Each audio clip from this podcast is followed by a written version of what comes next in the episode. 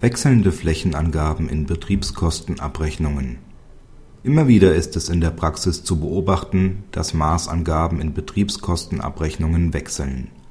Die formelle Richtigkeit der Abrechnung wird dadurch jedoch, wie der BGH jetzt meint, nicht beeinträchtigt.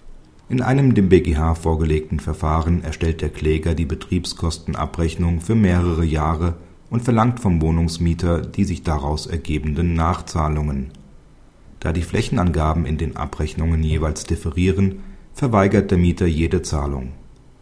Dieser braucht, so der BGH, zurzeit keine Nachzahlungen zu leisten.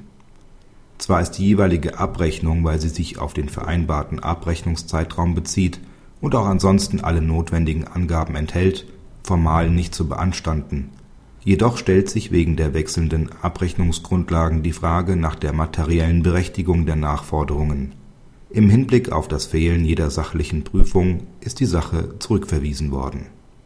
Praxishinweis Zutreffend stellt der BGH den Unterschied zwischen formeller und materieller Fehlerhaftigkeit einer Betriebskostenabrechnung heraus. Denn ein unzutreffender Verteilungsschlüssel macht nur den Inhalt der Abrechnung unrichtig, führt aber nicht zu Verletzungen der Formvorgaben, die für die Abrechnung gelten etwas anderes könnte nur bei einem vollkommen unverständlichen Kostenverteilungsschlüssel angenommen werden.